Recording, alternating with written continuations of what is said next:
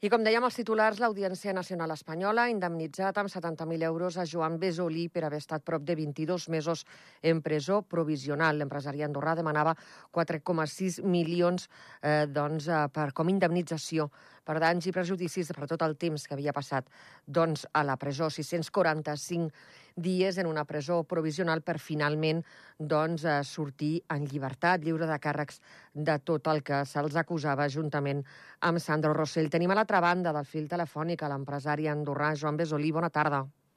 Hola, bona tarda. Eh, el primer és obligat, eh, com heu rebut eh, la notícia d'aquesta indemnització de 70.000 euros eh, que ha decidit la, la justícia espanyola? Bueno, hem rebut amb decepció i amb, i amb una, un sentiment agredolç, no? perquè al final és tot molt inhumà, és tot molt injust i més veient, veient que tot això al final és, és conseqüència d'una conxorxa que hi ha hagut aquí baix de mantenir-nos pel motiu que sigui perquè hi havia el Sandro, perquè era jo i mantenir-nos tancats realment, eh, però per un ciutadà espanyol ha de fer moltíssima, moltíssima por que la justícia pugui actuar d'aquesta manera, no?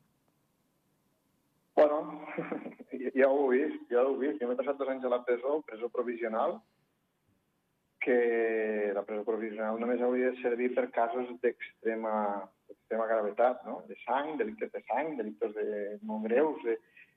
Però en el cas meu, l'únic motiu era perquè era ciutadà andorrà i altíssim risc de fuga. Aquest era el que alegaven, altíssim risc de fuga i, i això és el que, el que van anar mantenint durant els, els mesos que vam estar tancats.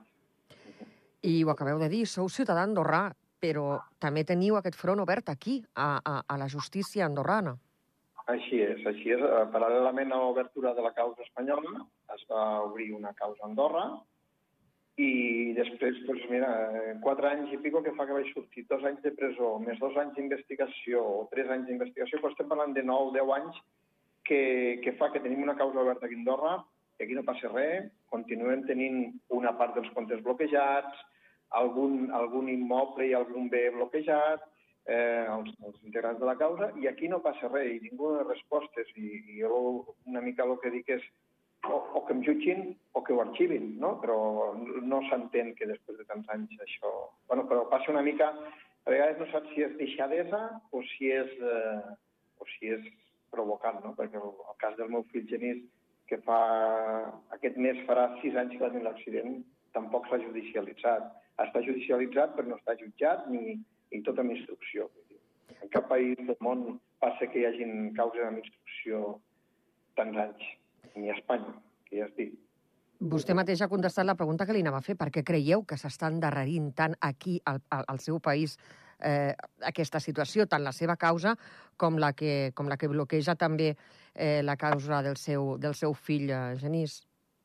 Bueno, la, el, meu, el meu pensament és que, són, que és un tema de, de, de bloqueig de la justícia, és un tema de, de no sé si deixadesa, eh, perquè però, però també a vegades penses que hi ha alguna més, que hi ha algú que té interès en que això es mantingui, es mantingui obert. No ho sé, eh? Sempre són les meves apreciacions, però...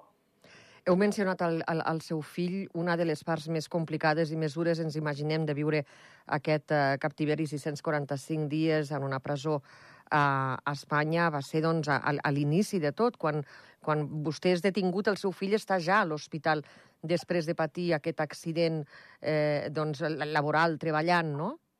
Sí, sí, sí. Vaig tenir un accident el 28 d'abril i a mi em detenir el 23 de maig. Jo estava, em vaig passar doncs, tots els dies a la Vall d'Hebron, com no podia ser d'una altra manera, vaig abandonar el meu lloc de treball, la meva feina, vaig abandonar-ho tot, perquè només podia ser això. I llavors, doncs, imagina't la sensació quan, quan se t'emporten i tu havies quedat amb ell a les 12 del migdia que el aniries a veure, que et detenen a la seu, i tu havies quedat que a, les dues estaries allà amb ell perquè s'havia quedat sol i, i ja no tornes.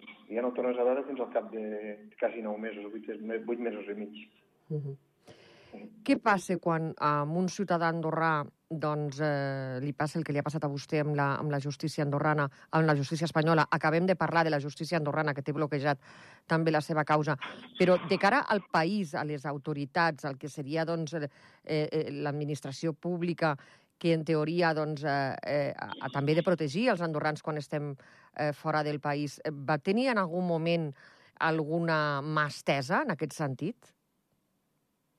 Bueno, ja ho vaig comentar en el seu moment, no? A mi em van vindre a veure, ara no recordo, al cap de molts mesos em va vindre a veure l'ambaixador i després a títol personal, però com això em va vindre a veure un, un bon amic, que és el Carlos Álvarez, com a que era ministre de Sanitat, i em va vindre a veure també, però jo realment en aquell moment ja ho vaig dir, em vaig sentir completament abandonat, no només abandonat, sinó que em van, em van trinxar, jo recordo, després ho he vist, eh, a, a la, a les biblioteques que en dieu vosaltres, que, que hòstia, com em va ficar algun, algun ministre portaveu que després va, va celebrar la meva absolució, no? ja ho he dit avui, és que no m'agrada entrar en polèmiques, no? però és que a vegades et surt la vena de dir que trist, que trist, no?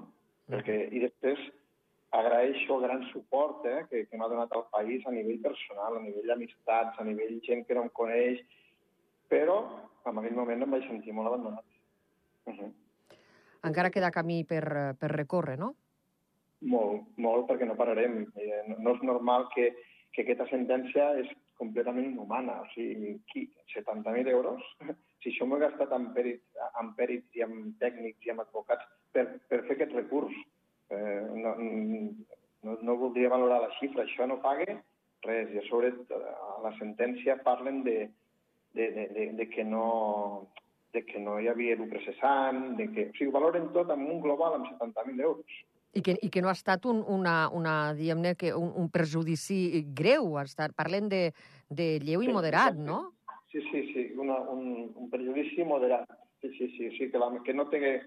Aquesta és una, una expressió molt, molt, molt bèstia, que, que et fa pensar, diu, bueno, potser sí que, que una, una lesió moderada pot, pot representar 70.000, però és que el meu no és, no és, una, no és un tema d'aquest nivell. És que, no per mi, sinó per la meva família. Si només parlem dels meus fills, en tinc un, però és que en tinc dos més que van patir aquestes circumstàncies. La meva dona, la meva família, els meus germans, tots. És molt bèstia. Tots. Senyor Besolí, eh, no sé si voleu afegir alguna cosa més. No, no, no, una mica això que parlàvem abans, no? que aquí dalt, si tanquem el tema, perquè no és fàcil viure i anar pel carrer cada dia, encara que et donin molt suport, eh, estan imputat amb una causa de bloqueig de capitals, amb una causa de... de bueno, és que és, no, pots, o sigui, no, no és normal que passin aquestes coses. I, i, i et sap greu perquè és el teu país, i és on has nascut i és on, on has fet tota la teva vida. Molt bé. Senyor Joan Besolí, moltíssimes gràcies per haver atès la trucada de Ràdio Nacional d'Andorra. Moltes gràcies a vosaltres. Adéu-siau, bona tarda.